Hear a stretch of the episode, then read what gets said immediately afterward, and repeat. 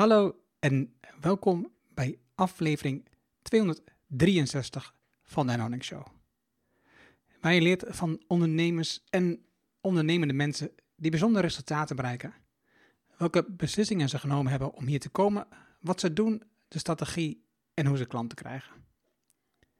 Mijn naam is Erno Hanning en ik deel mijn opgedane kennis, ervaringen en expertise met jou. Ik coach ondernemers zodat ze stap voor stap de juiste beslissing nemen om uiteindelijk een gezonde groeimotor te creëren, zodat de onderneming vanzelf loopt. Hiervoor gebruik ik mijn ervaring met meer dan duizend klanten die met exact dezelfde issues zitten.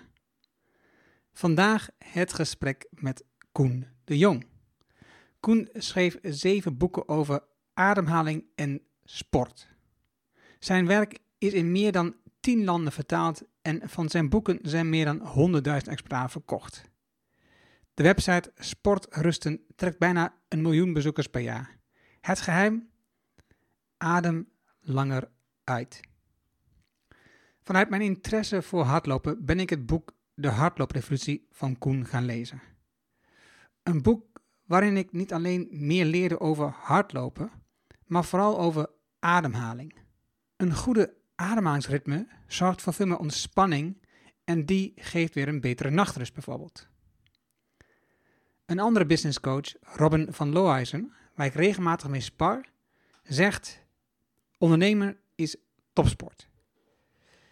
Waardoor ik de veelgemaakte fout van hardlopers uit het boek in relatie met ondernemen zag. Te weinig rust, te lange afstanden en te hard lopen. Aangezien Koen ook ondernemer is, een bedrijf heeft verkocht, een succesvol online platform heeft met veel fans en succesvolle online programma's, ging ik met hem in gesprek voor deze aflevering in de podcast. Ontdek een andere manier van keuzes maken, leer over hardlopen, beter ademhalen en ondernemen.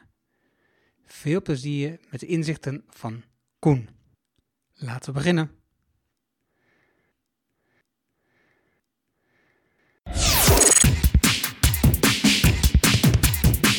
Welkom in de Erno Hamming Show.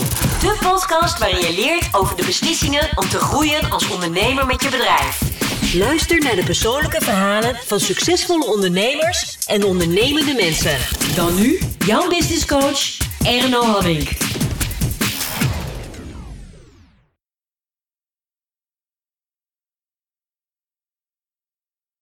Vandaag met Koen de Jong, ehm, eigenaar, oprichter, bedenken van Sport Rusten. Veel meer dan dat natuurlijk. Welkom Koen. Dankjewel. Op jouw LinkedIn-profiel staat rustig ademen, hardlopen en koud douchen. Ja. Is dat, is dat je mantra? Nou ja, dat zijn wel dingen die me erg bezighouden. En uh, waar ik veel mee doe. Ja. Ja, ja. Jij bent, uh, ik ga niet heel het verleden doornemen, wat ik vaak wel doe, maar in jouw geval staat dat in het boek. Dus als mensen je boek lezen, dan komen ze dat ook tegen het verhaal. Maar je bent, bent uh, vanuit de psychologie vrij snel afgehaakt, want je, je hebt je totaal geworpen op de sport van dat moment van jou. Dat was wielrennen. Ja. Hoe, hoe maak je zo'n keuze om vol te gaan voor het wielrennen? Nou, ja, dat is natuurlijk wel iets wat dan van binnenuit al een tijdje groeit, van dat je dat wil. En het is eigenlijk is het echt begonnen toen ik van Santander naar Santander las van Peter Winnen. Die dan beschreef over die Nederlandse waaierklassiekers, wat hij allemaal maar niks vond. Maar dat als hij dan de bergen inging, dat hij tot leven kwam en dat hij dacht, ja, dit is echt fietsen. Nou ja, en dat gecombineerd met uh, de beelden van Marco Pantani, die dan op US won en op die Galibier fietste, dacht ik, ja, dat wil ik ook. Dus zo is dat, nou ja, begonnen gegroeid, dat ik dacht, ja, dat wil ik. Dus dan... Uh... Fietste je toen al veel? Nou, ik reed bij, in Nederland wel bij, bij, de amateurs. En in de zomervakantie gingen we met de racefiets naar, naar Frankrijk. En reden we daar wel ook, ook in de bergen. Dus ja, dat fietsen deed ik, deed ik al wel.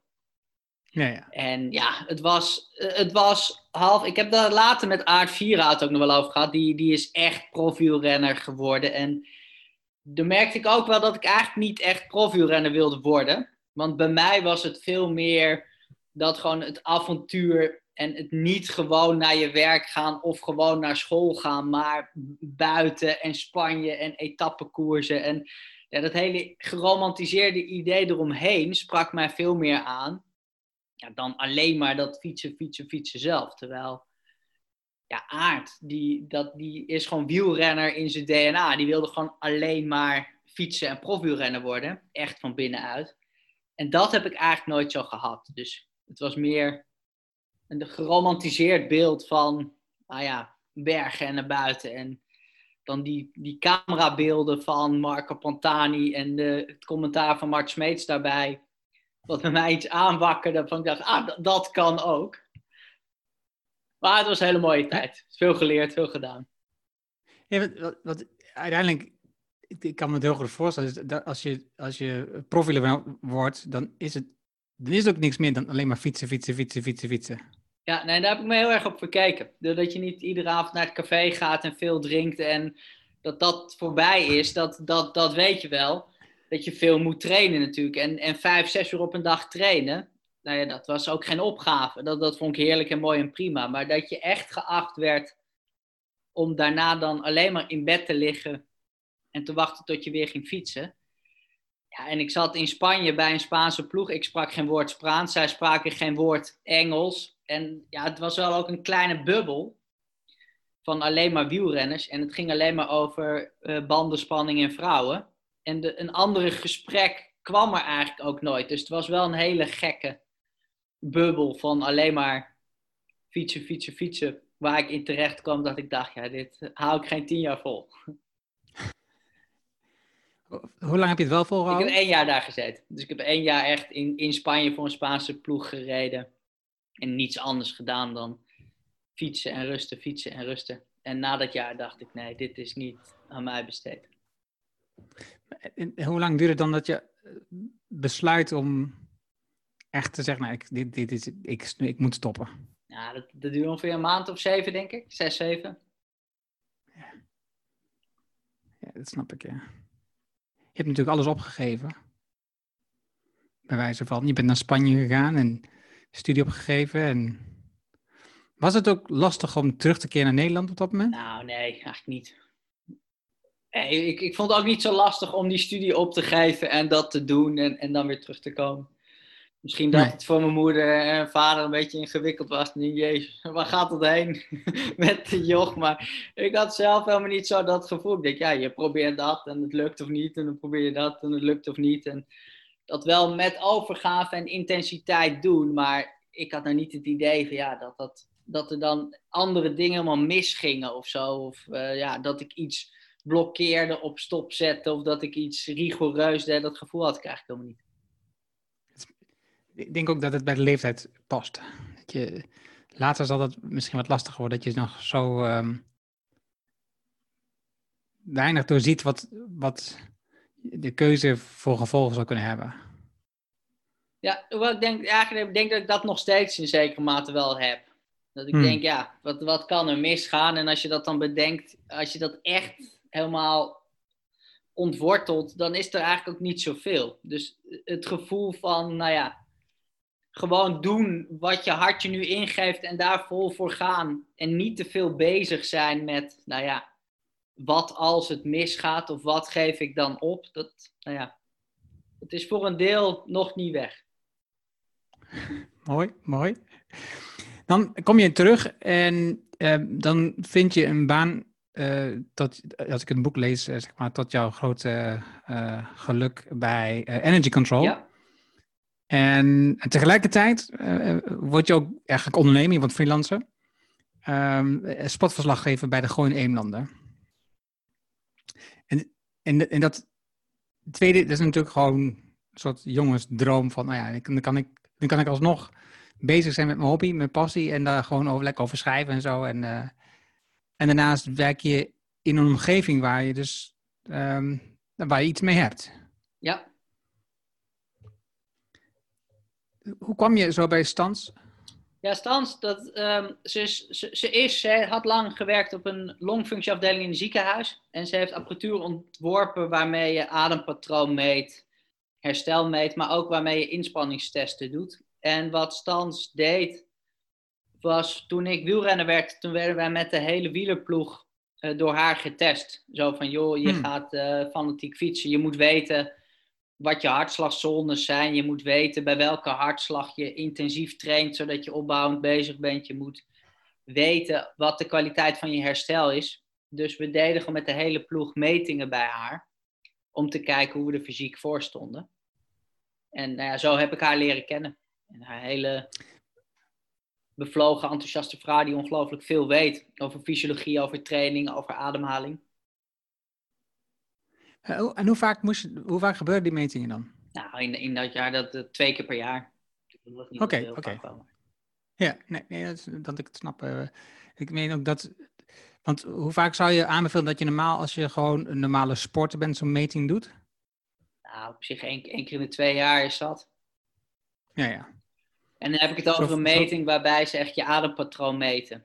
Je hebt veel Hm. sportmedisch adviescentrum waar ze je hartslag meten en een ECG'tje meten. En ja, eigenlijk als je geen klachten hebt, hoef, hoef je dat eigenlijk nooit te doen. Want als het je te doen is om je hartslagzones vast te stellen, ja, zijn er echt wel gewoon betrouwbare tests die je zelf heel makkelijk kunt doen. Dus als het gaat om, joh, wat, is mijn, wat zijn mijn hartslagzones, hoe kan ik slim trainen, is het veel leuker en interessanter om je eigen lijf daarin te leren kennen en het op zo'n manier eigen te maken dat je dat nauwkeurig zelf kunt meten. En als je op een gegeven moment hebt en je wil weten, ja, uh, zit mijn hart als motor, klopt die wel goed? Dan is natuurlijk een ECG bij een sportmedisch adviescentrum goed.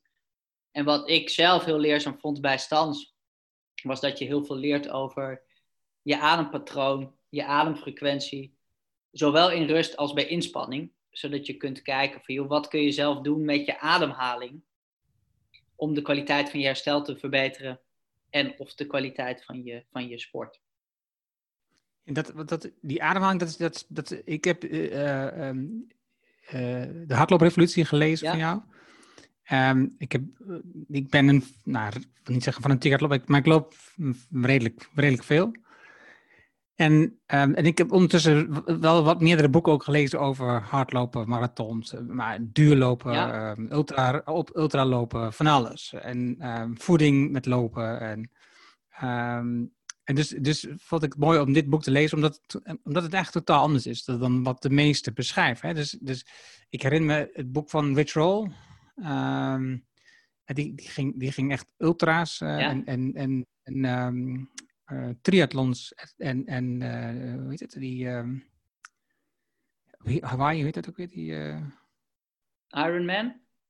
Ja, ja, de Ironmans. Um, zo absurde afstanden en dingetjes. Maar een van de dingen die me opviel in het boek, dat, dat komt terug in, in, jouw, in jouw verhaal, in jullie, jullie um, werkwijze, zeg maar, is het, het, rustig lopen. Het veel meer, um, wat hij was gewend om heel hard te lopen. En toen hij ging trainen met een trainer, was het eerste wat ze ging doen, was veel rustiger lopen. Ja. Um, maar in tegenstelling dat we hier doen, wel heel lange afstanden. um, je, je, je, begint dan bij, bij Stans te werken en dan een paar jaar besluit je om toch um, uiteindelijk voor jezelf te beginnen. Dus zo heb ik het in ieder geval ja. gelezen. Doe je dan bij Kiwi Nederland, doe je dan eigenlijk dezelfde metingen als zij dat Ja, doet? ja dat was, de, de metingen waren precies hetzelfde. Het verschil was dat Stans werd heel bekend bij mensen met chronische vermoeidheid, bij fibromyalgie, bij ME, mensen met burn-out, dus mensen met klachten en met vermoeidheid. En voor die groep is het natuurlijk heel belangrijk om te weten, joh, bij welke intensiteit kun je wel nog bewegen zonder dat je te veel doet. En hoe kun je zorgen dat je lichaam uitgaat en je herstelt. Dus het was een dankbare groep en een goede groep om, om mee te werken, maar ik werd er zelf gewoon moe van. Ik was toen 26 en zelf fysiek gezond en fit. En om je dan de hele dag te omringen met mensen met chronisch vermoeidheid of burn-out, was ik zelf aan het eind van de dag op een gegeven moment hartstikke moe. Ik denk, ja, dit kan niet de bedoeling zijn. Toen dacht ik, ja, voor mij is de. Wat ik heel interessant vond en vind, is om voor wielrenners en hardlopers te kijken. Joh, wat, wat kun je met die groep doen?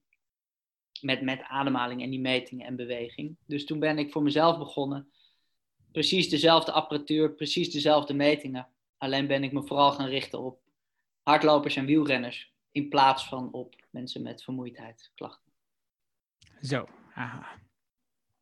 Maar in, in principe is uh, dit is natuurlijk gewoon um, uurtje factuurtje eigenlijk wat je doet. Hè? Dus je, je hebt, een, je hebt een, een test, die kost een bepaalde tijd en, en, en dat moet je, elke keer moet jij zelf die handelingen verrichten. Dus, dus de, de, de omzet is uiteindelijk beperkt in de tijd die je erin kunt stoppen, zeg maar. Ja, dus dat was toen, hè? Dus, ja, dat, ja. ja, dat bedoel ik. Dat was toen. Ja, we komen zo meteen tot waar, je ja, nu staat. Ja, ja. Nee, dus dat, dat, dat was inderdaad wat ik deed. Ja, het was, iemand kwam langs en ik was twee uur met iemand bezig. En na twee uur ging iemand met een rapport naar buiten. En die betaalde gewoon voor die twee uur dat met mij bezig was. Ja. Ja, ja, ja. En als, je, als jij kijkt naar, wat heb je uh, tien jaar gedaan? Als je kijkt zo naar die tien jaar terug, wat is, wat is je belangrijkste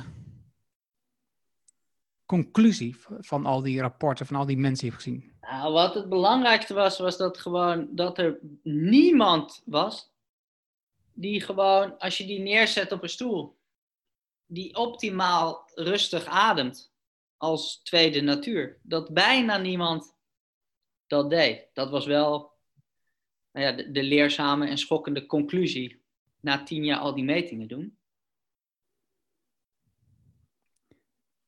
maar ik, ik, lees je boek en dan lees ik um, zes hartslagen per minuut.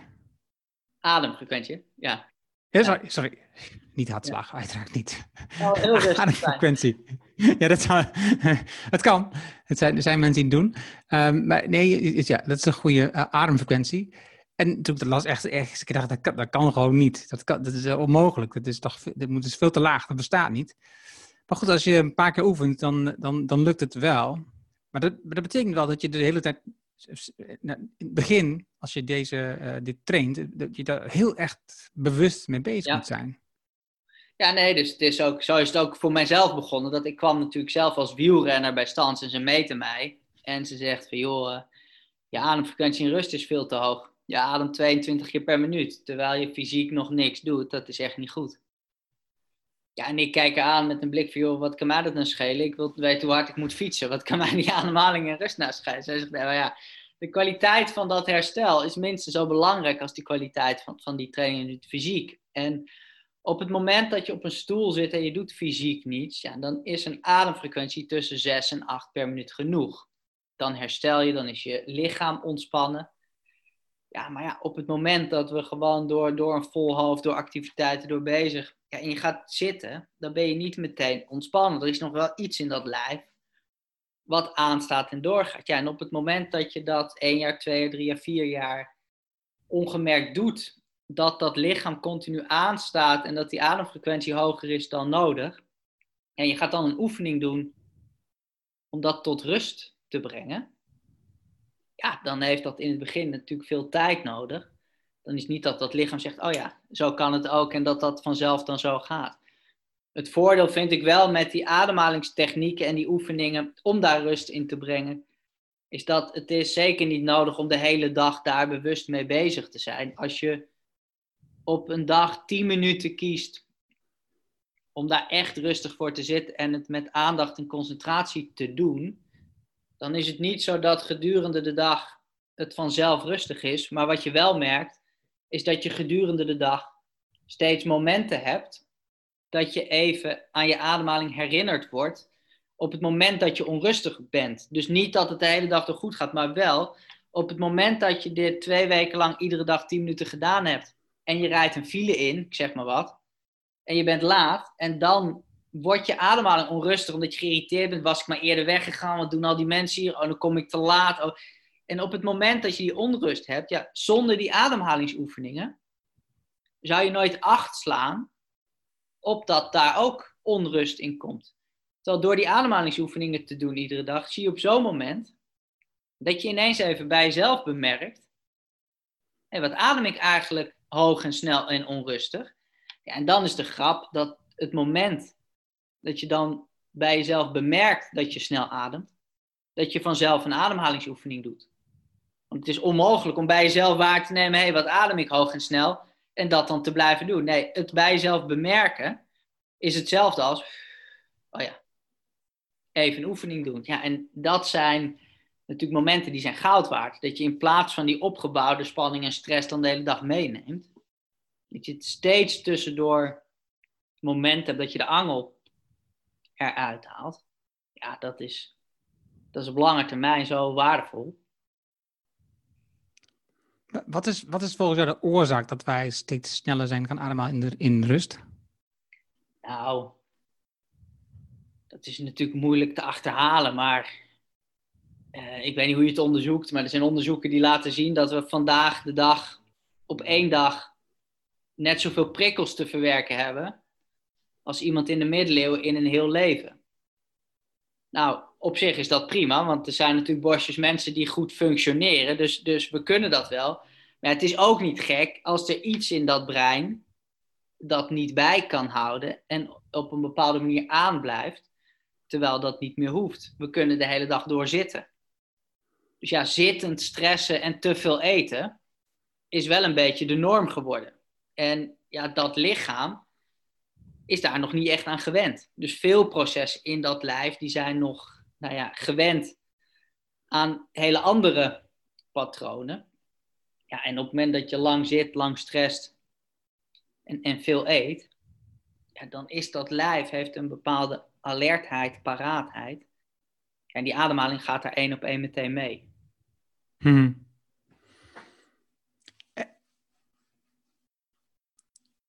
Zag jij in die tien jaar daar een verandering in? Of was, want als je dan naar zulke lange termijn kijkt, is tien jaar natuurlijk niet echt kort om te zien of daar, of daar dan een verschil in optreedt. Ik kan me voorstellen. Nou ja, en het is, ik, ik zag andere mensen. Dus het is zo dat op het moment dat je echt mensen ziet met burn-out en chronische vermoeidheid, zie je dat die frequenties van die adempatronen hoger liggen. Dat die hartslag hoger is dan als je op een gegeven moment naar sporters gaat. Die ook een bepaalde mate van onrust hebben, maar daarin zie je wel verschil. Ja, ja. Die, die vermoeidheid, want dat, dat speelt een belangrijke rol in, je, in het boek, hè? Dat, je, dat, dat lopen helpt om dat soort problemen op te lossen. chronische vermoeidheid, of te verbeteren in ieder geval. En um, komt dat door die, ik weet niet of je dat weet, maar komt dat door die, um, dat aanstaan de hele tijd? Ja. Dus je, je kunt elke stressgerelateerde klacht die er is, van burn-out, uh, chronische vermoeidheid, hoge bloeddruk, hartkloppingen, uh, varianten van depressiviteit, elke welvaartsziekte waar stress een component is, daar zie je dat ademhaling een rol speelt. En dan zie je dat het een rol speelt dat dat lichaam continu aanstaat en niet meer in staat is of niet vanzelfsprekend meer uitgaat als dat kan.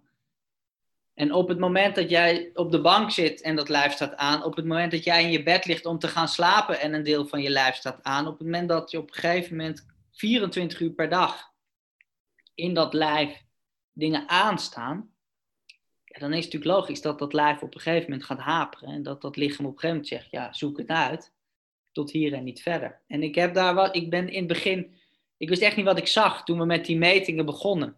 Dat, dat er gewoon mensen waren die dan, uh, de meting zag er zo uit, we deden een band om. We keken wat is die, het adempatroon, ademfrequentie, hartslag, middels apparatuur om de band. Nou, mensen zaten in een rustige omgeving kregen een tijdschrift en een kopje thee. En die lieten we 10 minuten rustig zitten. Zo, joh, ga even 10 minuten rustig zitten. En dan gaan we daarna kijken hoe, hoe dat eruit ziet. Nou, en dat dan mensen bij waren, die ademden meer dan 30 keer per minuut. Hartslag 105. En dan vroeg ik, joh, hoe voelt dit?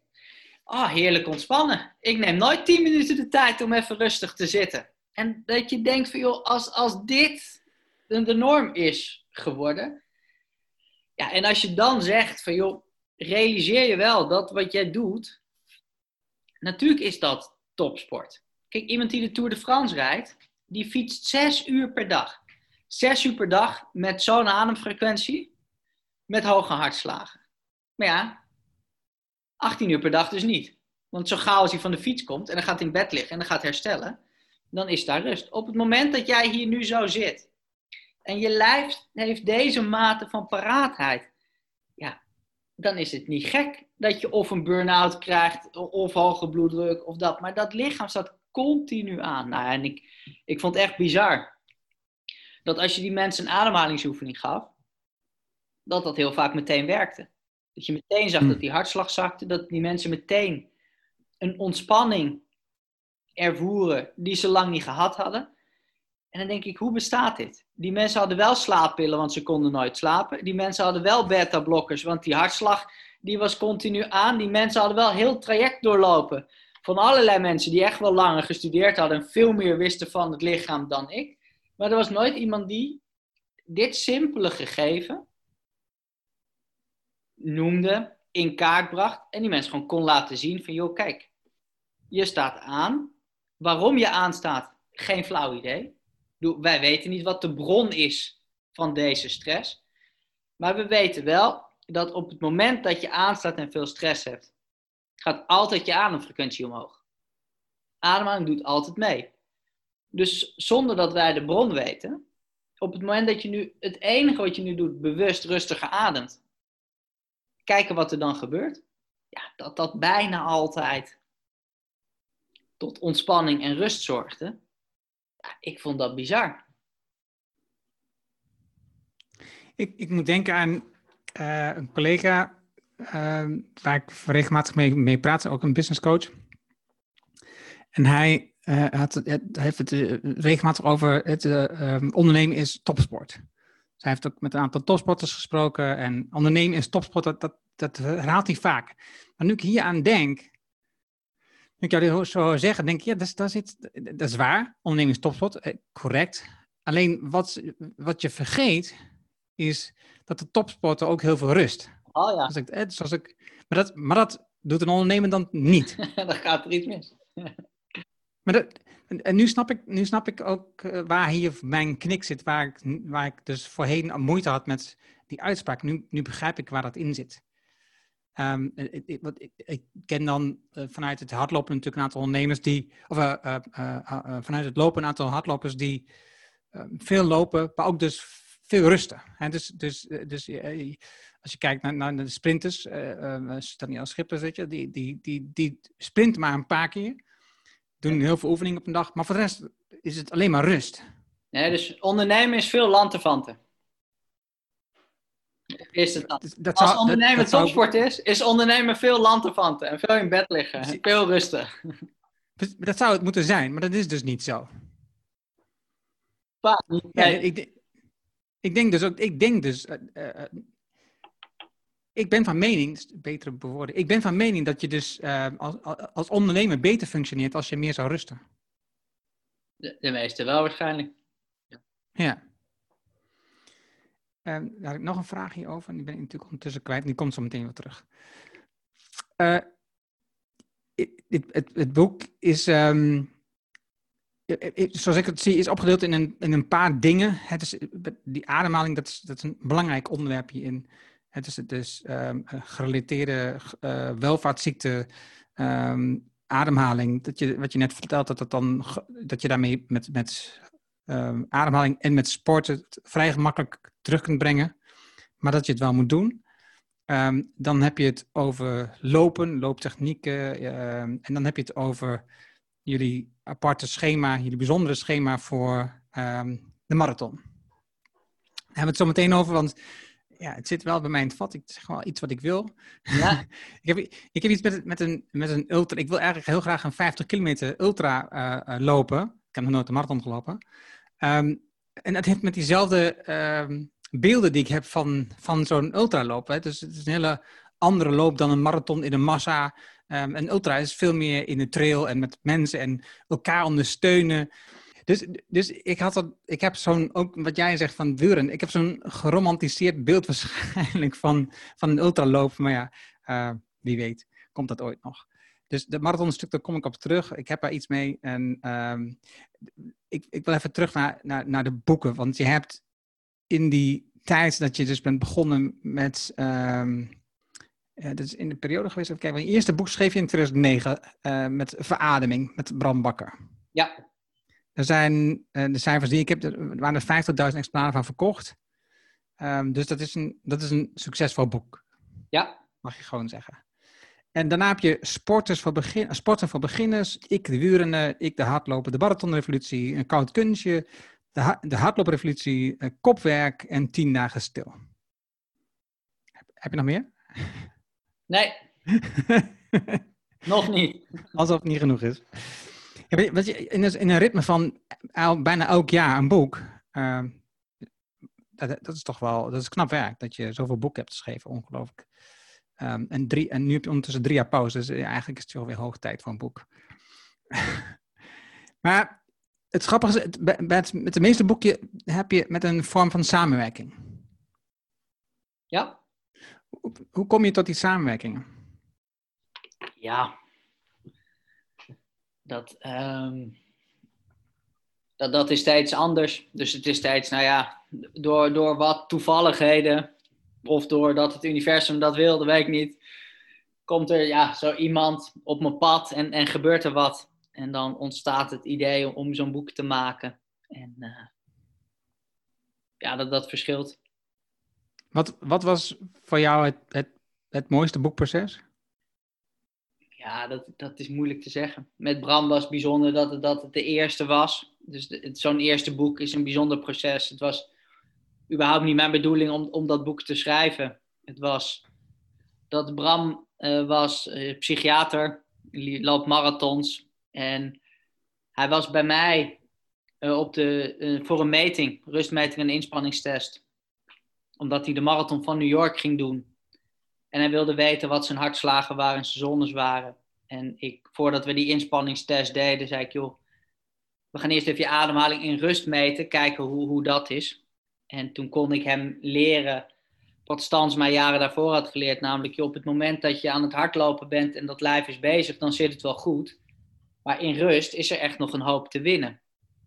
En Bram kon zichzelf wel voor zijn kop slaan, want hij is notabene zelf gepromoveerd op hyperventilatie paniekaanvallen.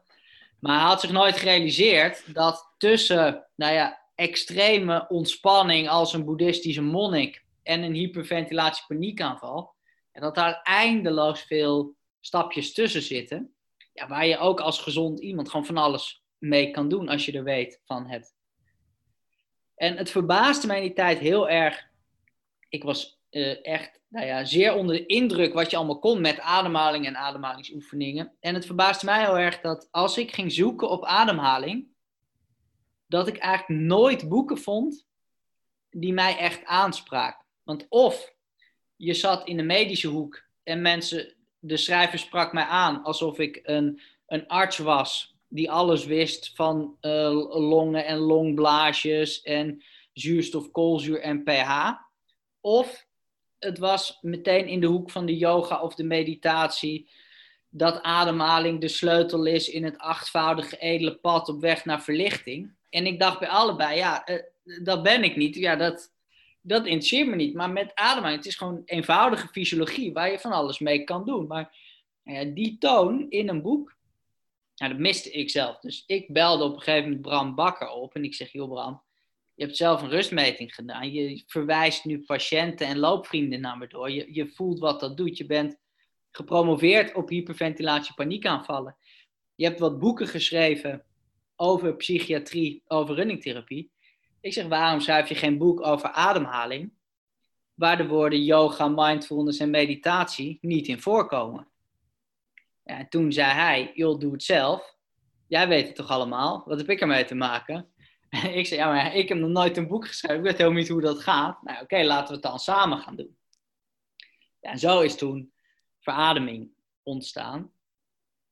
Ja, dat dat zo'n succes werd, dat, dat had niemand verwacht. Die uitgever niet, Bram niet. Ik was daar ook helemaal niet mee bezig. Ik dacht, ik vond het gewoon een leuk proces, bijzonder proces om dat op te schrijven. Ik dacht, voor mijn eigen klant is het sowieso al leuk om zo'n boek mee te kunnen geven, om het nog eens na te lezen en die oefeningen rustig na te kunnen lezen en te kijken. En zo ging dat toen rollen. En uh, Aard was toen de tijd, Aard Vierhouten, wielrenner, was toen de tijd bondscoach van de junioren belofte van de Nederlandse selectie. En die zei, joh, wat jij schrijft in verademing, dat is echt interessante kost, dat moeten mijn wielrenners weten. Want als je daarmee de kwaliteit van je herstel kunt verbeteren. Ik loop nu wel eens aan de start van een wereldkampioenschap. En dan staan er van die gasten die hebben al een hartslag van 130. Als ze nog eh, bij de start stilstaan. Zeg, joh, op het moment dat je die ademhalingsoefeningen mee kan geven. Om te ontspannen en te rust te komen. Ja, dat is, dat is goud waard. En toen kwam Stans, die belt me op. Die zegt, joh Koen, leuk en aardig. Je schrijft nu allemaal boeken vol met Bram en met Aard. Maar ja, het is allemaal mijn kennis. Je hebt alles van mij geleerd. Wordt het niet te staan dat wij samen een boek gaan schrijven? Want ja, je hebt het nu voor wielrenners wel opgeschreven. Maar hardlopers, ja. Er worden boeken volgeschreven voor hardlopers. Maar nergens lees je eigenlijk wat je, wat je met ademhaling kunt. Of nou ja, wat je kunt met eenvoudige variatie. Met vogels kijken, rustig lopen en, en intensief sporten. En, en ademhalingsoefeningen. Dus laten we daar een boek van schrijven. Ja, toen kwam Wim Hof op mijn pad. Want ja, op het moment dat je in Nederland veel bezig bent met ademhaling, dan duurt het niet lang. Of dan komt natuurlijk iemand met, met Wim Hof op de prop van, joh, die doet ook veel met ademhaling. Wat is dat? Nou ja, tegenovergestelde van wat wij deden. Want hij is heel erg op diepe teugen en diep in en uit en heel veel power en dit. En wij zaten heel erg op, joh, rustig in, rustig uit, pauze, rustig in, rustig uit, pauze. Hoe, hoe valt dat dan te rijmen? Zulke verschillende technieken werkt het allebei anders, werkt het een niet, het ander wel. En ding, nou, dus toen, toen ben ik daarin gedoken. En met, met Wim, Wim Hof op pad gaan, en dat, dat is feest. Dus dat was uh, onwijs leuk. En dat was mooi dat daar dan... was ook nog geen boek over geschreven. Hij was heel bekend. Of deed veel met kou, was op tv geweest. Deed heel veel met ademhaling. Maar eigenlijk over de combinatie van wat hij deed en waarom hij dat deed. Was niet vanuit de fysiologie een boek opgeschreven in eenvoudige taal. Dus toen kwam dat op mijn pad. En uh, ja, de laatste tien dagen stil. Over een meditatietechniek. Tien jaar na verademing dacht ik, nou nu mag ik wel een boek schrijven waar meditatie in voorkomt. Want ik heb zelf wel veel met meditatie gedaan, nou onwijs veel aan gehad. En toen die, die techniek beschreven. Ja, al die boeken zijn, zijn me dierbaar. Op een bepaalde manier. is allemaal nou ja, mooie, mooie verhalen, mooie herinneringen. Interessante content vind, ik zelf. Wat je ermee kunt doen. Wat is het proces van een boek? Ik heb ook veel boeken geschreven. Maar is het proces van boek schrijven voor jou makkelijker als het met iemand samen is of als je hem alleen schrijft? Nou, alleen is veel makkelijker. Veel makkelijker.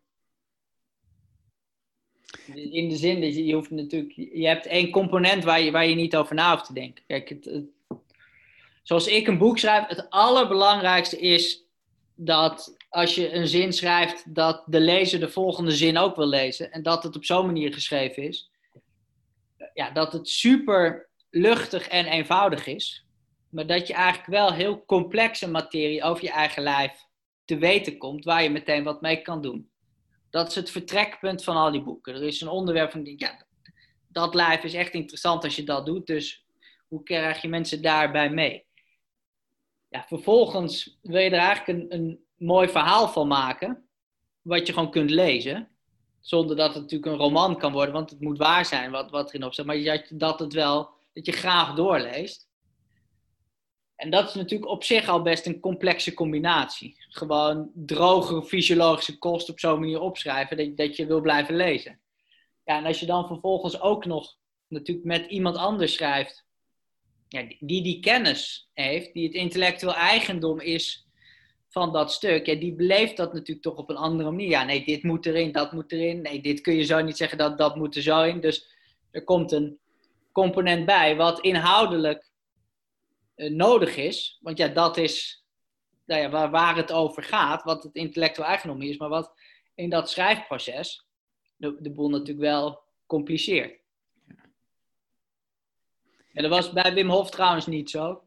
Die zei oh. van, joh, jij weet het wel, doe maar. Ja, ja, ja, ja dat zal wel, ja. dat kan je je voorstellen. Eh, eh, vraag, eh, twee vragen. De Vispana, de, de meditatietechniek. Hè? Dus, dus meditatie, toen je, toen je begon met je eigen kennis over um, rusten, de ademhaling in ruststand, was je toen op meditatie bezig of kwam dat daarna? Ja, dat kan veel later. Dat kan veel later. Ik heb, ik heb vijf jaar lang, is die, die interesse voor die ademhaling is begonnen met, met metingen. Van joh, dit is je adempatroon, dit is je ademfrequentie, dit is je hartslag, dit is je hartslagvariabiliteit. op het moment dat je ingrijpt in ademhaling, kijk dan wat er gebeurt met hartslag. En dan niet eens de link met, met emoties, met creativiteit, met gedachten, met stemming, met dankbaarheid. Nee. Maar de enige link die ik toen interessant vond was, want ga je harder fietsen. Want de kwaliteit van je herstel gaat omhoog. Dus je gaat harder fietsen. Ja, dat, dat was het doel op zich. Dus dat, dat mediteren erbij kwam en al die andere stukken van ademhaling. Daar zijn jaren overheen gegaan. Hmm. Ja, wat, dat was eigenlijk het gevoel wat ik zelf een beetje had dus, toen ik je boek las en voorzichtig begon met die ademhalingsoefening om te kijken van wat voor wat voor ademhalingsfrequentie heb ik eigenlijk op dit moment in rust. En um, dacht ik eigenlijk, als ik nu weer bewust bezig ben met adem, dat is, dat is eigenlijk de, hetzelfde wat ik doe met meditatie. Dat is gewoon, voor mij was dat eigenlijk ongeveer hetzelfde. Ja, bij mij is het wel, wat, wat voor mij het groot verschil is tussen uh, ademhalingsoefeningen en mediteren als ik het voor mezelf doe, is dat ik een ademhalingsoefening doe ik echt met een doel. Dus dan wil ik of veel energie als ik die ademhalingsoefening van Wim Hof doe, of ik wil uh, ontspannen slapen, of ik wil mijn hartslag omlaag brengen nadat ik gesport heb. Dus ik, ik grijp in in mijn ademhaling om een bepaald effect te hebben. Mhm. Terwijl met mediteren is de, de, oefening om gewoon te observeren wat is. Dus dan is het niet dat je een verandering wenst, maar dat je je brein tempt of oefent om niet zo springerig alle kanten op te gaan, maar om in het nu zonder oordeel te observeren. Ja. En daarbij gelijkmoedig te blijven. En dat, is, ja, dat, dat voelt voor mij als een, als een groot verschil. Terwijl de oefeningen zelf, ja, die, die verschillen zijn eigenlijk minimaal. Wat je, wat je echt anders aan het doen bent, dat is heel, heel klein, maar het, is, het voelt wel heel anders. Met welke intentie ga je zitten om, om het te doen? Of... Want welke meditatie doe je zelf? Ja, ik heb niet echt. Uh, uh, ik heb de app, zeg maar. Dan, in het begin deed ik heel veel met de app. Met. Uh, hoe heet het? Headspace? inside Time. Ja, Headspace ben ik ooit mee begonnen. Dat klopt. Dat doen nu tegenwoordig heel veel mensen natuurlijk in de eerste tien oefeningen die gratis zijn. Maar ik ben overgegaan naar Inside, inside Timer. Um, en ik heb daar allerlei verschillende dingetjes gedaan. En, en, nu ga ik gewoon zitten en gewoon um, bewust ademhalen en voor de rest niet. Ja.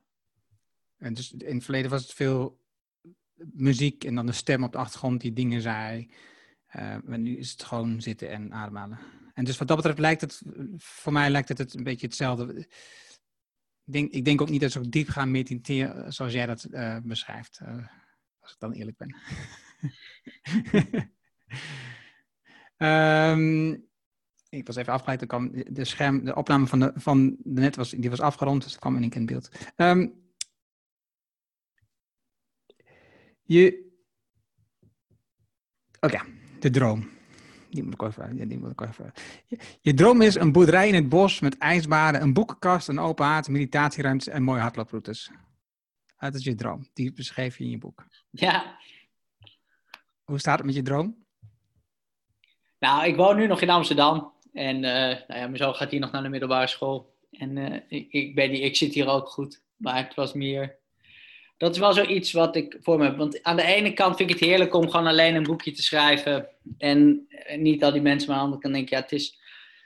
Wat je allemaal kunt doen met kou en, en met ademhaling op het moment dat je met een groep bent in een veilige, mooie omgeving.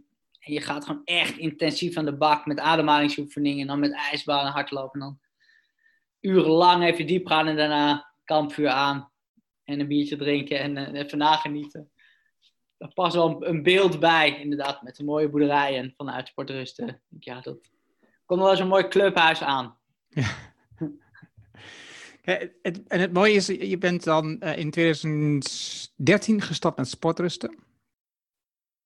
En, um, en ik heb met een aantal mensen heb ik genoemd dat ik het gesprek heb. En, en er zijn dan een aantal mensen ook die je dan kennen um, vanuit sportrusten. Ja. En, um, en ja, die, wat, wat zij zeggen is de, de, de transparantie, de openheid, de, de, het enthousiasme uh, rondom het onderwerp rondom sporten, maar ook, uh, want je hebt dus dan ook dat programma over 5 kilogram afvallen. Um, ja, ook, dat, ook daarin zien ze dezelfde, um, ja, dus, dezelfde energie halen ze eruit, uit jou, zeg maar, jouw manier van, van communiceren, van doen en handelen. Um, hoe groot is ondertussen sportrusten? Nou, we hebben op de, op de website sportrusten.nl zijn ongeveer 800.000 bezoekers per jaar.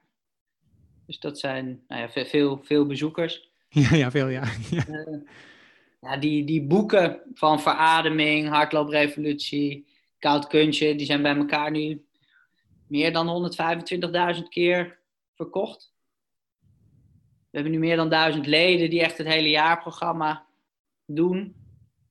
Ja, en dan een paar duizend mensen die inderdaad die, die losse programma's hebben gedaan. Dus het zijn ongelooflijk veel mensen die we, ja, die we raken, die we inspireren en die meegaan. En dat is natuurlijk voor ons ook onwijs leuk om te merken dat nou ja, mensen het echt gaan doen. Dus mensen kopen het niet alleen, maar mensen doen die programma's ook echt. En dat merk je dan omdat dan inderdaad na 30 dagen of na 100 dagen, afhankelijk van hoe lang zo'n programma duurt, dat mensen dan mailen, joh, verrek, het werkt echt en ik voel me beter. En het is, het, is ook niet gek dat dat in, in die zin zo goed lukt op het moment dat uh, ik heb de mazzel dat, dat het mijn vak is. Dus ik, dat ik de hele dag door niets anders hoef te doen dan interessante mensen te spreken die hier veel over weten. Dan boeken hierover te lezen van, van wat echt werkt. En om dan zelf te experimenteren van, joh, uh, slaat dit aan, ja of nee? Nou ja, en op het moment dat je dan zoveel tijd hebt kunnen nemen om je in zo'n onderwerp vast te bijten, bijvoorbeeld met voeding, want naast die ademhaling doen we nu ook met, met voeding wat. En je gaat het doen en je merkt gewoon van, joh, dat lichaam is zo slim en bijzonder, dat op het moment dat je tien jaar lang iets doet wat niet gezond is of niet goed voor je is, en je besluit op een gegeven moment, ja, nu ga ik het een maand even echt goed doen. Ja, in no time. Dan krijg je van dat lichaam terug, ja, maar wacht even, dit is verrukkelijk. Ja, en op het moment dat je dat gaat merken, ja, maar wacht dit, dit voelt echt goed. Ja, ik krijg energie, ik slaap beter of dit. Ja, dat, dat is logisch dat, je daar, dat mensen daar ook enthousiast over worden. Dan denk je, joh, verrek, het, is, het enthousiasme slaat over op sportrusten. Maar het is in feite natuurlijk enthousiasme voor dat eigen lijf. Waarvan je, hey, wauw, dit werkt goed. Ja. En dat is voor ons heel leuk om, om daar op die manier mee te kunnen werken. Dat is heel dankbaar werken om daar natuurlijk met mensen op die manier zo mee bezig te kunnen zijn. En dat dat transparant is, eh, dat is in, in deze constructie ook heel logisch. Want ja, op het moment dat ik iets test of uitprobeer of doe, en ik denk, ja, maar dit werkt voor geen meter, ja, dan ga ik natuurlijk ook niet een programma omheen bouwen, ja, dan gaan we er ook gewoon niks meer mee doen. Dan denk ik, ja, nee, daar, dat, dat werkt niet. Dus omdat ik het zelf ook gewoon dan heb uitgeprobeerd en ervaren, ja, is dat een hele leuke manier van werken. Ja, ja ik, herken het heel erg ik ben met het onderwerp dan vooral bezig met, met beslissingen nemen. Dus, dus hoe kan je als, en ik vind dan ondernemers een hele fijne doelgroep. Hè? Dus, dus jij bent dan helemaal met, met sporters en wielrenners begonnen, met hardlopers en wielrenners. Ik vind ondernemers een hele fijne groep om mee te werken. En uh, en, en, dus ik heb ontdekt nou, dat beslissingen neemt, dat, dat, is, dat vind ik een heel gaaf onderwerp. Hoe kun je, wat, kun je daarmee? Hoe kun je, je denkproces van? Hoe kun je bewuste, hoe kun je proces dus, dus ik lees daar dus ook enorm veel over en, en ik spreek in de podcast daar mensen over en ik vraag ernaar en hoe, welke keuzes maak je, hoe doe je het dan, waarom? Dus, dus het, is dan, het is zo eenvoudig om dat te doen. Het is zo het kost gewoon geen energie eigenlijk om het te doen. Daar komt het een beetje op neer, volgens mij. Ja. Die, die um, honderdduizend mensen die in je programma zitten, dat is toch ongelooflijk. En je noemt het altijd we. Hoe, groot is je team? Hoe groot is het team bij, Sportrusten? Nou, er zijn een hoop types uh, omheen die, uh, die ons een warm hart toedragen, met wie we nou ja, veel hebben. Ik, ik bedoel, zo'n zo'n Stans van der Poel, die zit niet in Sportrusten, maar daar heb ik zoveel van geleerd dat voelt toch gewoon als die erbij is. Bram Bakker, daar heb ik onwijs veel uh, mee gedaan in het verleden. Die is nu helemaal niet meer in sportrusten en die doet ook niks meer. Maar ja, daar ben ik wel dankbaar voor hoe dat toen samen is begonnen. En het is zo dat nu zit, ehm, we hebben Rob van Rooyen, die, die is in de koffiehoek iedere dag bezig. Die weet ongelooflijk veel van hardlopen en alle vragen die mensen persoonlijk hebben. We hebben op sportrust.nl een koffiehoek ingericht waar je dan je eigen vragen kunt stellen. Dus met Rob van Rooyen, die, die doet daar veel in. Ik heb iemand uh, die, Chantal, die, veel, die ons meehelpt met uh, social media. Op het moment dat je veel mensen wil bereiken, dan ontkom je natuurlijk niet aan. Facebook, Instagram, LinkedIn. Maar ja, op het moment dat je zelf de hele dag op Facebook, LinkedIn en Instagram gaat zitten, dan weet je zeker dat je gaat hyperventileren en dat je niet meer tot nieuwe plannen en ideeën komt. Dus daar iemand mee die daar heel goed mee helpt. Op een manier dat het wel echt nog persoonlijk is en blijft, maar dat je wel daar zichtbaar kunt zijn en wat kunt doen. En mijn neef Mark, die doet de website, dus die hele technische kant. Dat het gewoon allemaal functioneert en, en draait. Dat als iemand vandaag een programma koopt en zegt, joh, ik wil volgende week beginnen. Dat hij gewoon netjes een, geleid wordt in, oké, ik wil volgende week beginnen. En dat er vanaf dan een mailtje komt en dat dat allemaal goed loopt en mooi staat. Dat doet Mark. En met Janneke, Janneke Poort doet, doet ongelooflijk veel. Die, uh, die is zelf 20 kilo afgevallen. En die heeft tegen het advies van haar reumatologen in, die zeiden, joh, jij mag nooit meer hardlopen. Zij zei op een gegeven moment, ja, roep maar op, ik kom alleen maar aan van prednison en de medicijnen. En ik, mijn eigen lijf ben ik kwijt, ik kan niks meer. Ik, ik ga gewoon hardlopen. Die is bij sportrust terechtgekomen. En die is 20 kilo afgevallen en die, die loopt marathons. En die heeft nog steeds reuma, maar daarmee heeft ze wel haar hele eigen lijf weer terug en voelt ze zich veel beter. En dat is uh, nou ja, het, het, gezicht ook van het 5 kilo kwijt programma. Zij doet veel met voeding. En is ook één brok enthousiasme en positieve energie. Die, ook veel, die, die is echt ook voor sportrust uh, aan het werken. En dat doen we echt samen met, nou ja, ook richting bedrijven en ook uh, nou ja, richting cameramensen en afspraken maken. Die, die helpt met, met alles mee ook. Ja, ik, en ik, ik realiseer het eigenlijk al een, tijdje nu en maar, eh, zeker nu ik jouw verhaal heb gelezen en ook je nu hoor, is uh, het belang van samenwerkingen. Ik heb, dat, ik heb dat onderschat. Ik heb heel veel dingen heel veel alleen willen doen. Um, zelf dingen uitzoeken, uit, uitfigureren. En, en, en je ziet, het is natuurlijk ook een bekende Afrikaanse uitspraak, is het, hè? Dus uh, alleen ga je sneller, maar samen kom je verder. Ja. Het is, ik, ik, realiseer me dat, het, dat dat zo ontzettend waar is. En, en dus dat is waar ik me op dit moment behoorlijk op concentreer, op, uh, op, op samenwerkingen.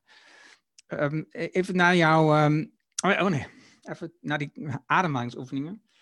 Um, ik, ik, ik train dus bij een, een loopgroep en een scheidsrechtergroep uh, dinsdag en donderdag. En dan loop ik in het weekend vaak voor mezelf.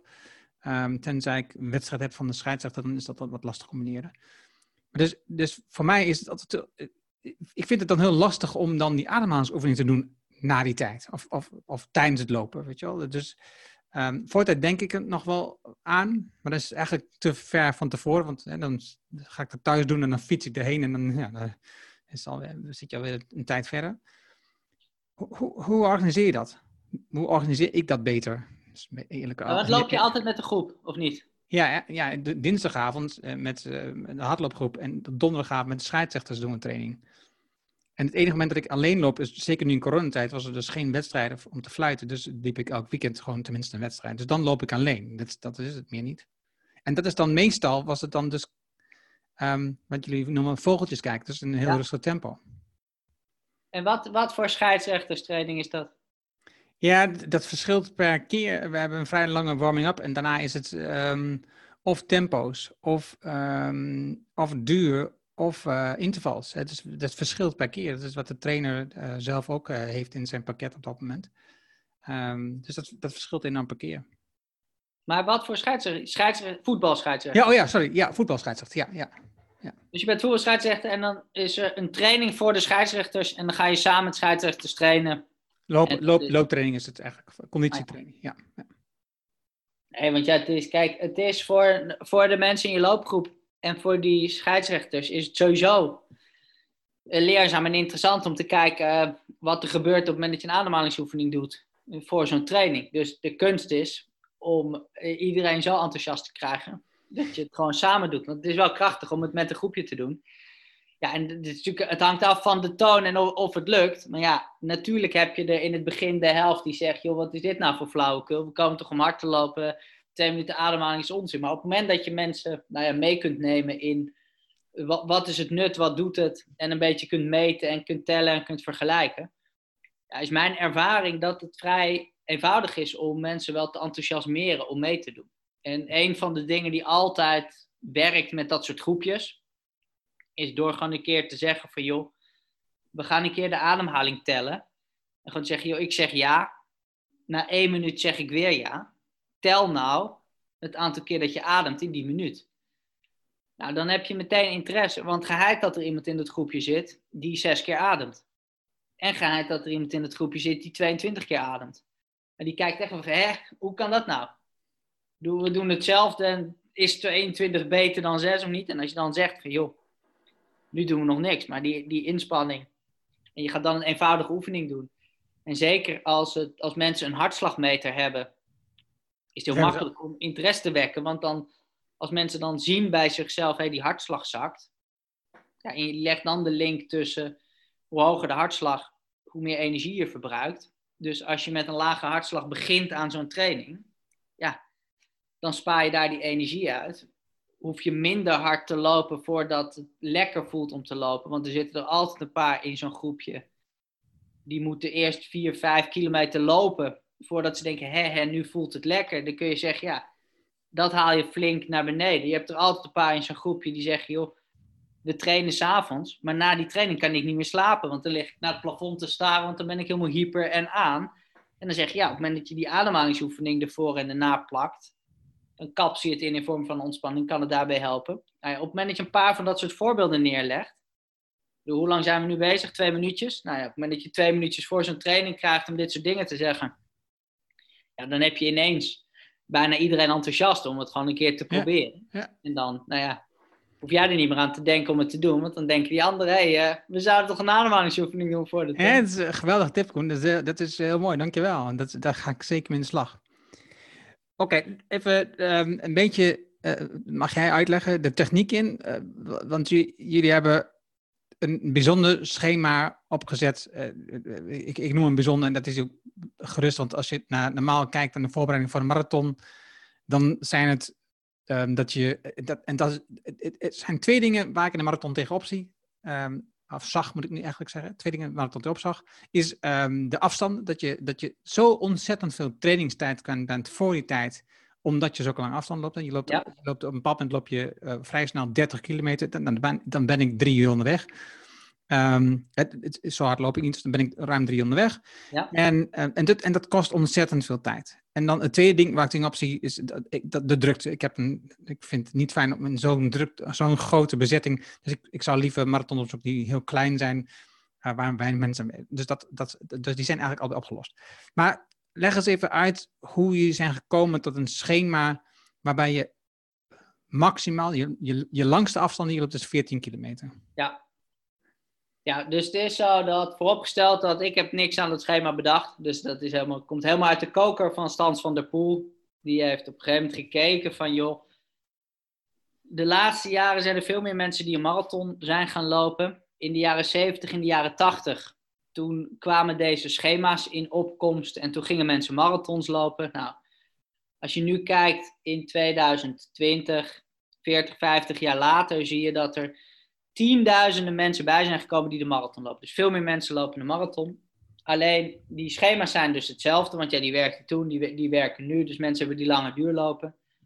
Maar er gaat iets mis, omdat de marathonlopers zijn enorm veranderd. Want er zijn nu veel meer mensen die marathon lopen. Maar dat zijn vooral langzame lopers. Dus je ziet dat in de jaren 70, in de jaren 80, dat als je kijkt, ik heb toen de Marathon van Berlijn als uitgangspunt genomen, omdat daar veel deelnemers waren, zag je inderdaad dat meer dan 80% van de lopers was uh, na vier uur binnen. Dus als je langer dan vier uur over de marathon deed, hoorde je echt bij het allerlangzaamste laatste plukje. Nou, je ziet dat dat helemaal verschoven is. Dat als je nu sneller dan vier uur loopt, hoor je nog bij de beste helft. En je ziet als je nu kijkt naar zo'n marathon van Berlijn, er doen 20.000 mensen meer mee dan in 1985, maar er zijn minder mensen die onder de drie uur lopen. Dus in absolute zin doen 20.000 mensen meer mee. Zijn minder mensen die onder de drie uur lopen. Dus je ziet, die marathonlopers zijn langzamer geworden. En dan gaan die schema's lopen dan mank, omdat die op kilometer zijn. Dus je ziet dat als je nu iemand dan 30 kilometer laat trainen, ja, dan doet hij over zijn training 3 uur, 3,5 uur, 4 uur. Ja, zo'n snelle loper, die doet over een training van 30 kilometer, anderhalf uur, twee uur. Dus die training is veel korter. Terwijl zo iemand veel meer aanleg heeft voor hardlopen. Dus iemand met meer aanleg loopt in tijd veel korter.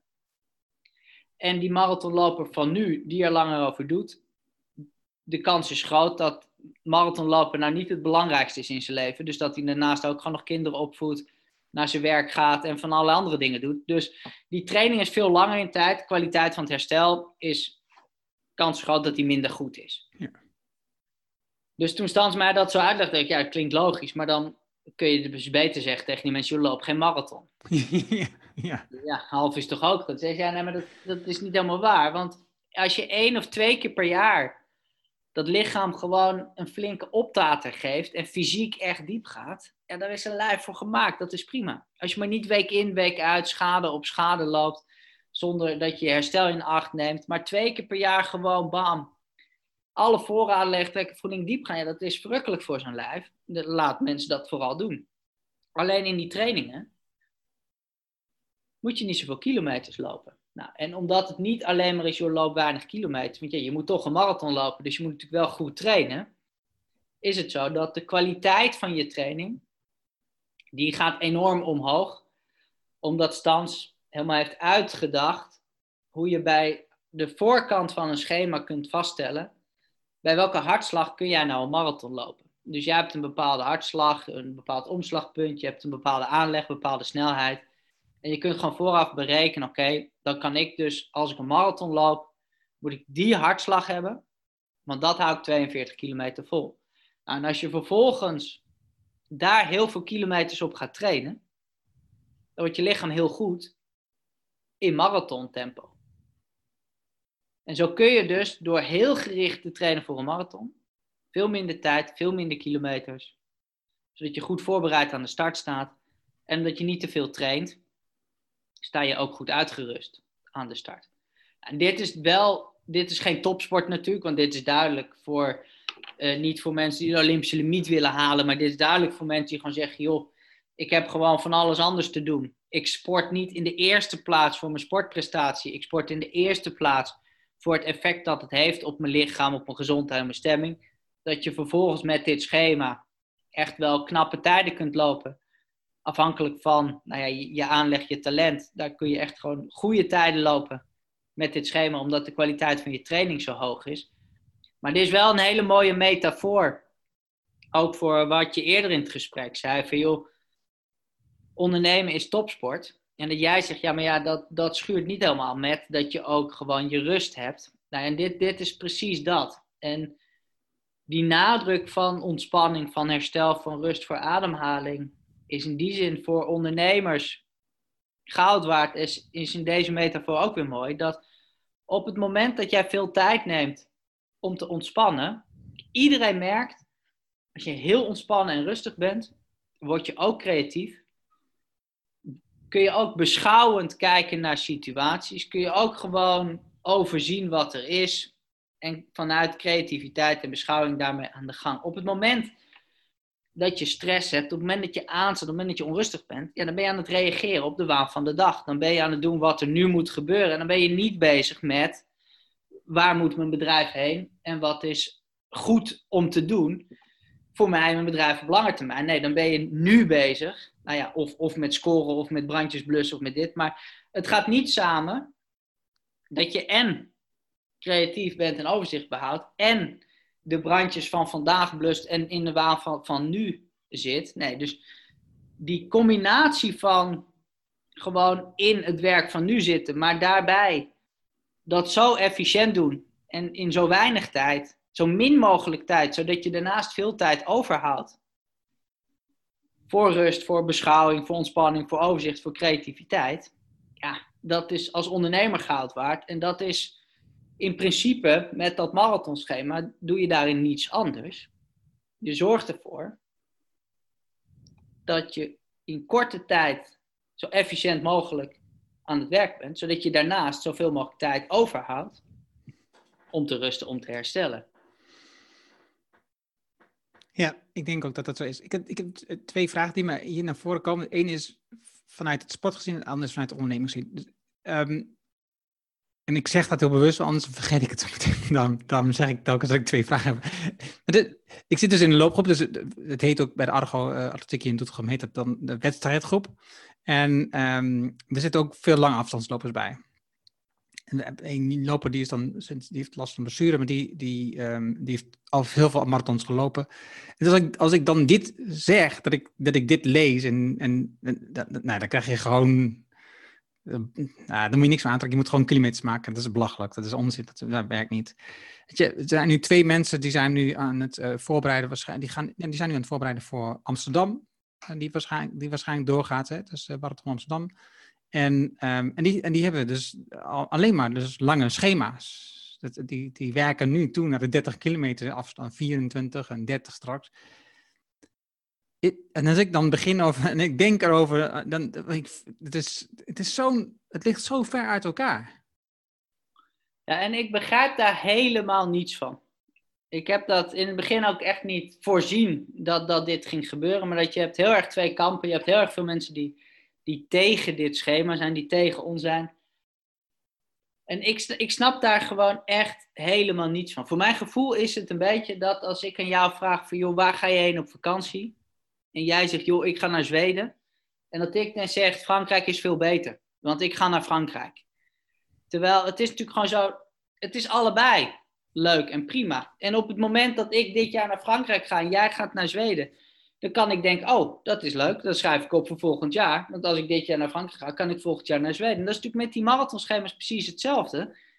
Ja, als je één of twee marathons per jaar loopt, en je hebt eerst gewoon gevoetbald en een andere sport gedaan, wat bijna iedereen doet, en op je 35ste, 40ste begin je met hardlopen, en je blijft heel, dan loop je van je 40ste tot je 70ste, 75ste hard. Nou, dan heb je tijd genoeg om een keer een halve marathon te trainen, om een keer voor een tien te trainen, om een keer voor een hele marathon te trainen en veel kilometers te maken, om een keer een hele marathon te trainen en niet meer dan 14 kilometer te trainen, om te denken, joh, ik ga een keer een trail doen van 50 kilometer. Ik bedoel, je kunt dat toch allemaal gewoon doen en dan kijken, nou ja, wat past bij me, dat doe je nog een keer wat vaker. En wat past niet bij me, nou ja, dat, dat doe je dan niet meer. Ik, ik snap helemaal niet de manier van denken van het moet alleen maar zo en, en zo kan niet. Op het moment dat er dat je als trainer je zorgen maakt, dat je denkt, joh, klopt dat wel met spieren, pezen, banden, gewricht? En als je denkt vanuit de fysiologie, hé, dat gaat niet goed,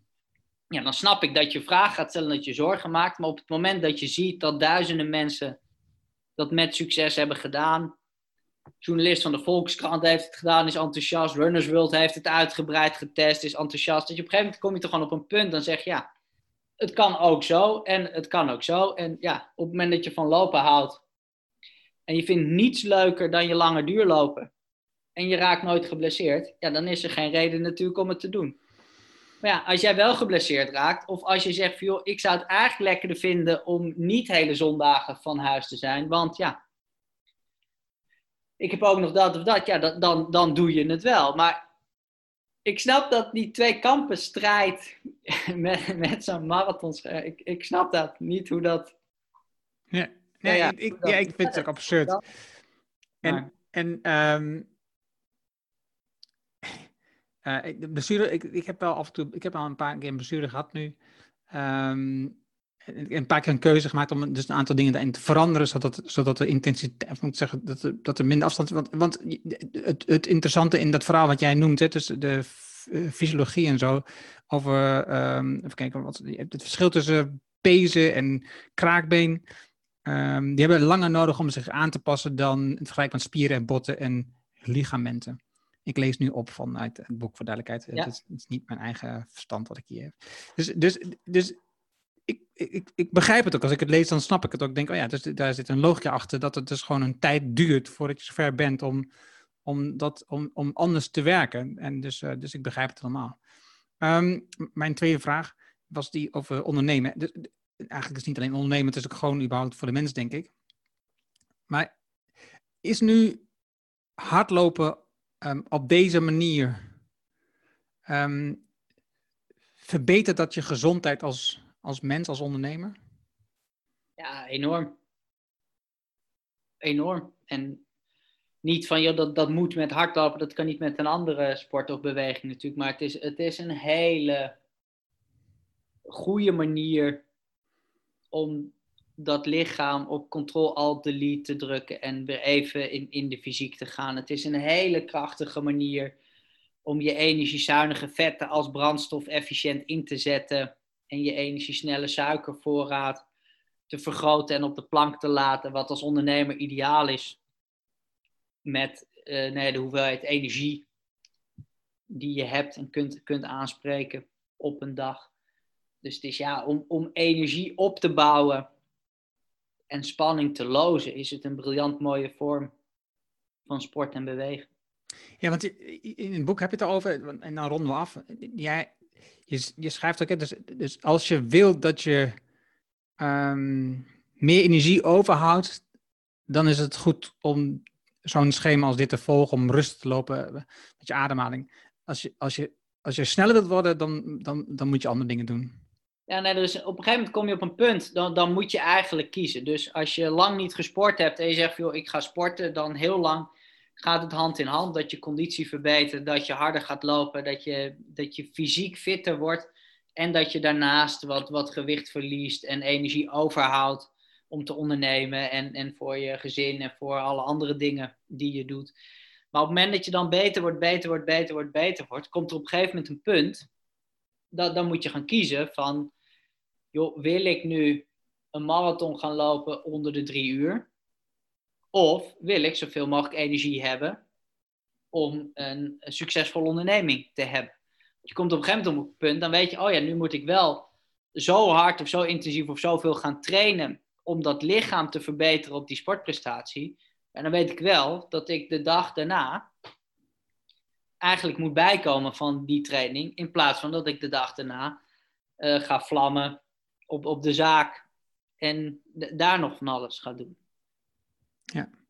ja ik heb je tabellen gebruikt in het boek. Hè. Dus het boek, uh, een heel groot deel bestaat uit tabellen uh, rondom de halve marathon en de marathon. Ja. En, uh, en de marathon, mijn hartslag, wat was hier alweer? 139. En bij de halve marathon was die, is die 152. Nou, de, de halfmarathon heb ik, heb ik een keer gedaan. En dus, dus ik ga zeker trainen. Maar ik realiseer me ook de uitspraak die in het boek staat het trainen op deze manier is zwaarder voor de halfmarathon dan voor de marathon. Dus uh, ik even nou ja, dat is precies wat je zegt. Je moet met een hogere hartslag trainen. Want ja, ik zeg, joh, je hoeft die hart... Ik weet niet, hoe lang doe jij voor een marathon? Uh, de, dus, ik denk net onder vier uur, als het goed is. Ja, dus als je vier uur over de marathon doet en je doet een, een halve marathon in 1 uur en 50 minuten of 1 uur en drie kwartier. En dan is het natuurlijk logisch dat je met een veel hogere hartslag kunt lopen je hoeft het maar... Uh, je hoeft maar twee vol te houden. Die vol te houden in plaats van vieren. Dus in je trainingen moet je wel al die trainingen dan ook harder lopen. Ja, ja dat, heb ik, dat, dat vond ik dus een van, een van mijn inzichten. Dat, zo heb ik dat niet gerealiseerd. Ik, ik loop eigenlijk vrij veel in, in vergelijkbaar tempo. Met, met uitzondering van de trainingen. Want ik heb natuurlijk al vrij dinsdag en donderdag een vrij intensieve training. Maar voor de rest, alle loopjes die ik voor mezelf doe, zijn in een vrij laag tempo. Dus, dus daar worstel ik dan ook mee. Hoe kan ik dat, hoe kan ik dat combineren? Een, een training voor een halve en een, een hele marathon uiteindelijk. Uh, in combinatie met de training die ik al heb. Dus nou goed, maar daar kom ik vast uit. Koen, het was mij een waar genoegen. Het was een heel ander gesprek dan gebruik ik in deze podcast. Hè. Dus eh, het gaat meestal over hele andere onderwerpen. Maar daarom heb ik er bewust voor gekozen. Eh, omdat ik A, uh, uiteraard eh, persoonlijk interesse. Ik vind lopen super gaaf en, ik vind het mooi om dat meer te leren. Ik heb je boek gelezen. Ik, ik, zie hoe enthousiast je over bent. Ik zie je video's en dingen die je hebt gedaan. Um, maar je ook omdat dus um, je bent ook in je bedrijf, hoe je hebt gegroeid. Hè? Dus vanuit kiezen voor de topsport een aantal keuzes hebt gemaakt. Maar ook dus je bedrijf verkopen en het volledig gaan voor uh, sportrusten. En dan daar zoveel leden in hebben die ook nog uh, betalen.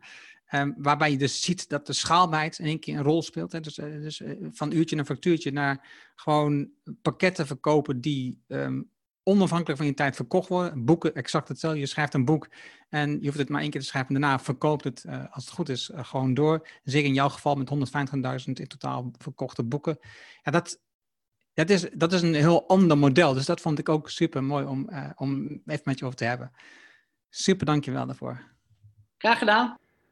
Dat was het gave gesprek met Koen. Je vindt de namen en links die we noemden in het artikel dat bij deze uitzending hoort. Ga daarvoor naar ernohanning.nl slash show 263. Wil je vanzelf de volgende afleveringen van deze podcast op je telefoon krijgen? Dat is heel eenvoudig. Heb je een iPhone, dan zit daar standaard Apple Podcast app op. Open deze app Klik op het vergrootglas en zoek de Ernorning Show op. En klik op abonneer. Heb je een Android-telefoon, geen probleem. Installeer dan eerst bijvoorbeeld de Player FM app. Open de app, zoek de Show op en klik op abonneer. Dankjewel alvast hiervoor. Heb je vragen, opmerkingen, reacties over deze podcast of over de afleveringen van Koen? Stuur dan een e-mail naar podcast.ernorning.nl ik hoor super graag van jou. Wil jij deze crisis gebruiken om verandering te realiseren? Wil je ontdekken hoe je innovatie juist nu kunt versnellen? En 9 gouden tips die je nu kunt doen voor je marketing? Wil je leren met welke beslissingen je sterker uit deze crisis komt met je team? Vraag dan het boek Betere Beslissingen rondom een crisis aan op ernohanning.nl. Dit is mijn nieuwste boek. En je downloadt hem helemaal gratis. Je hebt zelfs geen e-mailadres nodig. Wil je de papieren versie van dit boek ontvangen? Dat kan ook. Je betaalt dan alleen de verzendkosten. Mijn nieuwste boek is nog steeds gratis. Vraag het daarom nu aan op ernohanning.nl. En ik weet, je bent druk als ondernemer. Je leest het in één avond uit. Dankjewel voor het luisteren en graag tot de volgende. Dankjewel voor het luisteren naar de Erno Hanning Show op ernohanning.nl.